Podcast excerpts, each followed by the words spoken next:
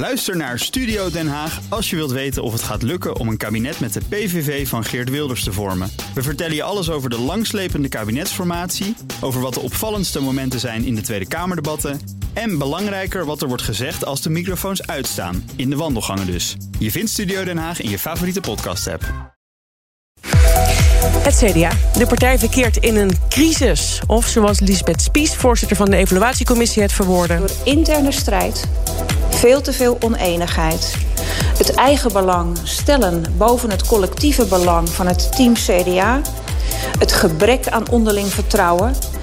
Uh, heeft het CDA deze verkiezingen verloren. Ja, dat was een opsomming. De partij is er dus, zacht gezegd, slecht aan toe. Het tij moet gekeerd en daarom is er een partijcongres op 11 september aanstaande. En bij ons is Ad Koppenjan, voormalig CDA Tweede Kamerlid. Welkom. Ja, Welkom, dankjewel. U kreeg elf jaar geleden landelijke bekendheid als dissident rond de samenwerking met de PVV. Ook toen was er een congres, komen we zo nog even op terug. Eerst maar eens eventjes uitkijken naar dit congres. Kijkt u er naar uit eigenlijk? Ja, eigenlijk wel, ja. Want het kan alleen nog maar beter gaan met het CDA. Het lijkt me een pittig congres, want er moet nogal wat besproken worden. Oh, absoluut. En, en, dat is ook heel goed. Hè. Dat is ook de traditie binnen het CDA. Dat wij congressen hebben waar de leden zich kunnen uitspreken. Ja. Dat zijn we echt een democratische partij. Ja, nee, dat snap ik. Alleen het is niet één ding dat besproken moet worden. Het is zo'n beetje het hele bestaansrecht van de partij, lijkt het wel, dat daar op tafel ligt. Nou, daar twijfel ik niet aan, eh, aan het bestaansrecht van het CDA. Maar ik denk wel goed dat, dat het goed is dat wij met elkaar evalueren wat is er fout gegaan en wat kunnen we ervan leren en hoe gaan we daar eh, in de toekomst mee om? Hoe gaan we het beter doen? Daar is wel haast bij, hè? want als we de peilingen mogen geloven, dan keldert de partij wel richting de nul. Nou, de nul zou ik niet willen zeggen, maar we staan er niet goed voor. Dus daarom zeg ik ook, we kunnen alleen nog maar beter doen. Ja, u, u schreef onlangs een opiniestuk in NRC. Ik ga even citeren. Onlangs publiceerde de commissie Spies haar evaluatierapport over de laatste Tweede Kamerverkiezingen. Daarin staat een aantal goede aanbevelingen. Maar veel blijft onbenoemd, onbeantwoord of wordt zelfs toegedekt. Het wordt de hoogste tijd dat niets meer binnen het CDA wordt toegedekt of onbenoemd blijft. Toen dacht ik, wat weten wij nou nog niet? Nou, Is er nog meer? Nou, in ieder geval vind ik dat je ook gewoon uh, de dingen bij zijn naam moet noemen. Dat, dat hoort ook wel een beetje bij mij en bij veel andere CDA's. Um, en er zijn gewoon dingen waarvan ik denk, ja, die hadden nog wel wel iets scherper en duidelijker verwoord kunnen worden. Noemt u er eens één? Nou ja, kijk, uh, een van de belangrijke conclusies is uh, nooit meer lijsttrekkersverkiezingen. Maar dan zeg ik, ja, in het verleden hebben we ook lijsttrekkersverkiezingen gehad binnen het CDA en die gingen prima, 2012. Uh, en ik weet ook dat in 2020 de Verenigingsraad, dat is een beetje het parlement van het CDA, heel nadrukkelijk heeft gezegd: geen lijsttrekkersverkiezingen, uh, voorzitter. Wij willen gewoon een enkelvoudige voordracht. En dan mhm. kan er een tegenkandidaat gesteld worden. En toch kwamen er lijsttrekkersverkiezingen. Nou, die vraag is bijvoorbeeld niet beantwoord. Hoe kan dat nou? Oké. Um, dat stuk, waarom wil u dat schrijven, vroeg ik me af. Voor wie is het? Nou, eigenlijk voor uh, iedereen. Uh, het, het, laat een beetje zien uh, waar we staan en waar we naartoe moeten gaan. Ja, en wat u vindt waar de partij staat. En waar, ja. waar, ik dacht, waarom bewaart u dat dan niet voor 11 september? Want nou leest iedereen weer mee. Nee, want, Rakelt alles weer op? Nee, kijk, het is veel slimmer om het wat ruim van tevoren te doen. Want dan kan iedereen erover nadenken. En dan kan, kunnen er ook op basis daarvan resoluties worden geformuleerd. En dat is ook gebeurd. Oké. Okay. U schrijft ook, hetzelfde stuk... de gebeurtenissen rond Pieter Omtzigt hebben mij, bij mij... oude wonden opengereten. Wat Pieter beschrijft roept herkenning op. Um, ik ging automatisch terug naar elf jaar geleden. Toen de, het CDA uh, wilde samenwerken met de PVV, heeft samengewerkt met de PVV. U wilde dat toen niet. Draait het daarom? Nou, het draait met name om hoe we met elkaar omgaan. Ik vind dat we soms te makkelijk afscheid van elkaar nemen. En uh, als je kijkt naar het CDA in 2010, toen hadden we zo'n 67.000 leden en nu mm -hmm. hebben we er nog 37.000. Ja, maar wat zijn uw oude wonden dan? En in vergelijking met Pieter Omtzigt, want hij zegt: Ik heb te maken gehad met een fluistercampagne, ik ben, ik ben uitgescholden. Heeft u daar ook mee te maken gehad in die tijd? Nou, in die tijd 2010 wel met fluistercampagnes, ja. Hoe ging dat dan? Nou ja, gewoon dat, dat je vrij eenzaam voelt als Kamerlid. terwijl er anderen allerlei dingen over je vertellen. waar je geen weet van hebt. Dat van de partij. Leuk. Onder andere, ja. ja. Zou je dan moeten concluderen, nu na elf jaar. dat dit het CDA is? Nee, dat denk ik niet. Want ik, je kunt altijd leren van je fouten. Dat kan ieder mens en dat kan ook het CDA. Ze doen het al elf jaar, hè, zo.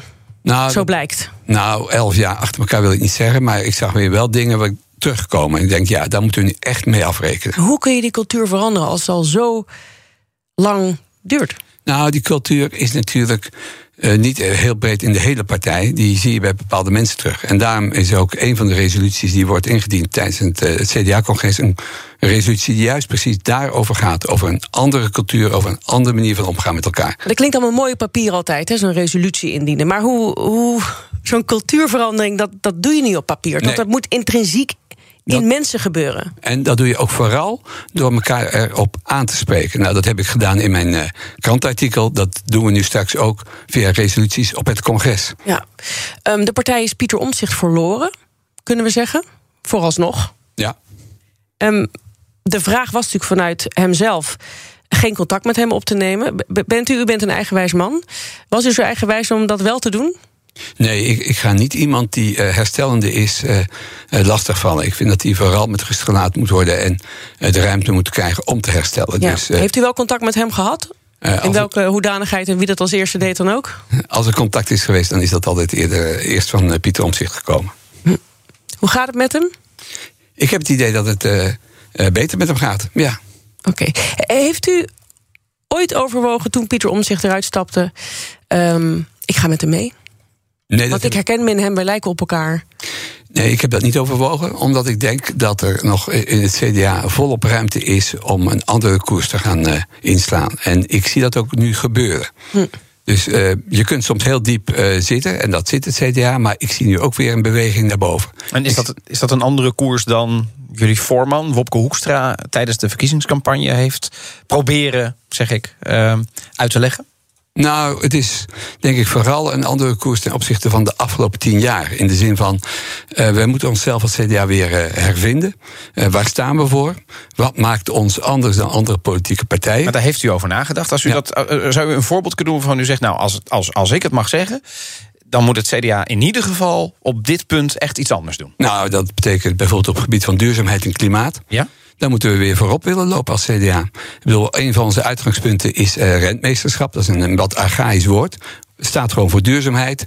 Uh, we hebben een samenleving achter te laten aan onze kinderen. Nou, uh, we hebben nu gezien wat voor problemen we hebben veroorzaakt met onze uh, vervuiling en CO2-uitstoot. Ik hoef maar te verwijzen naar, ja. naar Limburg. Dat is allemaal heel inhoudelijk. Tegelijkertijd denk ik gaat het niet veel meer om. Um wat de partij is, wat de visie van de partij is op, op, op de maatschappij, op de samenleving. Ja. En tegelijkertijd dat pragmatische politiek bedrijven. Die twee dingen die lijken uit elkaar te lopen. Ja, dus wat wij zeggen is: uh, ga nou uit van je eigen waarden. En waarvoor zijn wij er? Ja, want nu bent een soort VVD-light. Ja, precies. En dat moeten we dus beslist niet willen zijn. En wat ik nu wel proef in, in de partij, uh, ook, ook echt de laatste maanden, is volop een beweging van ja, inderdaad, daar moeten we definitief afscheid van nemen. We moeten weer een eigen verhaal laten zien. Ik zie gelukkig ook wat dat betreft positieve signalen in de CDA Tweede Kamerfractie. Neem nou zo'n Dirk Poswijk uh, met zijn landbouwnota. Mm -hmm. Voor het eerst hebben we gewoon gezegd, ook tegen de boeren, jongens, we moeten gaan veranderen. En wij ja. gaan jullie helpen. Hè, dat is het verschil. Nog steeds wel vrijwillig? Nee, wij zeggen uh, er moet echt iets gebeuren.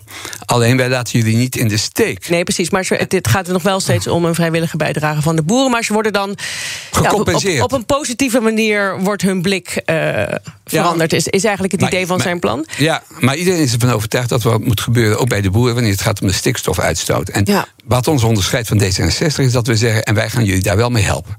Als we kijken naar die formatie, waar hoopt u dan op? Is het CDA er klaar voor? Nou ja, kijk, uh, daar zit ik wel een beetje op twee gedachten. Uh, voor het CDA was het misschien wel beter geweest om even in de oppositie te herstellen en, en weer sterker te worden. Maar dat, dat vind, was uw voorkeur geweest. Maar ik vind dat een politieke partij als CDA niet alleen zijn eigen belang mag najagen. Als je nu gewoon kijkt naar politieke landschap. Maar er komt toch weer dat pragmatisch politiek nee, bedrijf nee, dat is, niet, dat is niet pragmatisch, dat is juist idealistisch. Want als je gewoon kijkt naar de huidige politieke situatie, de politieke verdeeldheid, ja, dan is het CDA. Uh, echt wel nodig, denk ik, in een nieuw kabinet. Ja. Ook als een soort scharnierpunt tussen links en rechts. Um, dus ja, als er dan een beroep wordt gedaan op het CDA, dan vind ik niet dat je nee kunt zeggen. Ook al zou het misschien beter zijn voor je partij om even in de oppositie te herstellen. Ja. Die verantwoordelijkheid gaat zo ver.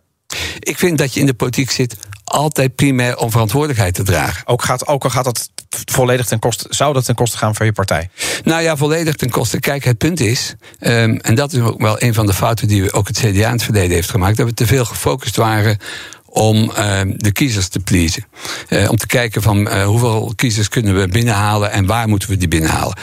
kiezersonderzoeken van Motivation die waren bijna leidend voor politieke standpuntbepaling. En dat is natuurlijk heel erg fout uitgepakt. Ja. Uiteindelijk is er geen enkele partij die populistisch is of kiezers naar de mond praat. Een partij geweest die ook echt oplossingen bood. En als je oplossingen biedt, dan moet je soms ook je kiezers durven tegenspreken. Ik ga ook eindigen met een partijcongres. Want als je zegt partijcongres, ik kon het toch niet laten, dan zeg je toch dit. Als u voor deze resolutie bent, dan vraag ik u om uw stemboekje, zoals u dat in uw hand hebt, omhoog te steken. Ik vind het niet duidelijk. Als je voor de samenwerking bent, stem je tegen de resolutie. Ben je tegen de samenwerking, stem je voor deze resolutie. Duidelijker kan ik het niet zeggen. Dit blijft natuurlijk eeuwig achter het CDA uh, aanlopen. Maar wordt er iets in stemming gebracht 11 september of niet? Nee, er wordt volop uh, resoluties in stemming gebracht. Dus daarom wordt het ook weer een heel boeiend congres. Ik, ga, ik, kijk, ik kijk er zelfs nu al naar uit. Ja, het congres is echt een feest van de democratie. en het CDA loopt daarin voorop. Dank, Alte Koppian, voormalig CDA Tweede Kamerlid... en nu voorzitter van CDA Zeeland... en lid van CDA Mid ook Bas van Werven vind je in de BNR-app. Ja, je kunt live naar mij en Iwan luisteren tijdens de ochtendspits. Je krijgt een melding van Breaking News. En niet alleen onze podcast Ochtendnieuws, maar alle BNR-podcasts vind je in de app. Download nu de gratis BNR-app en blijf scherp.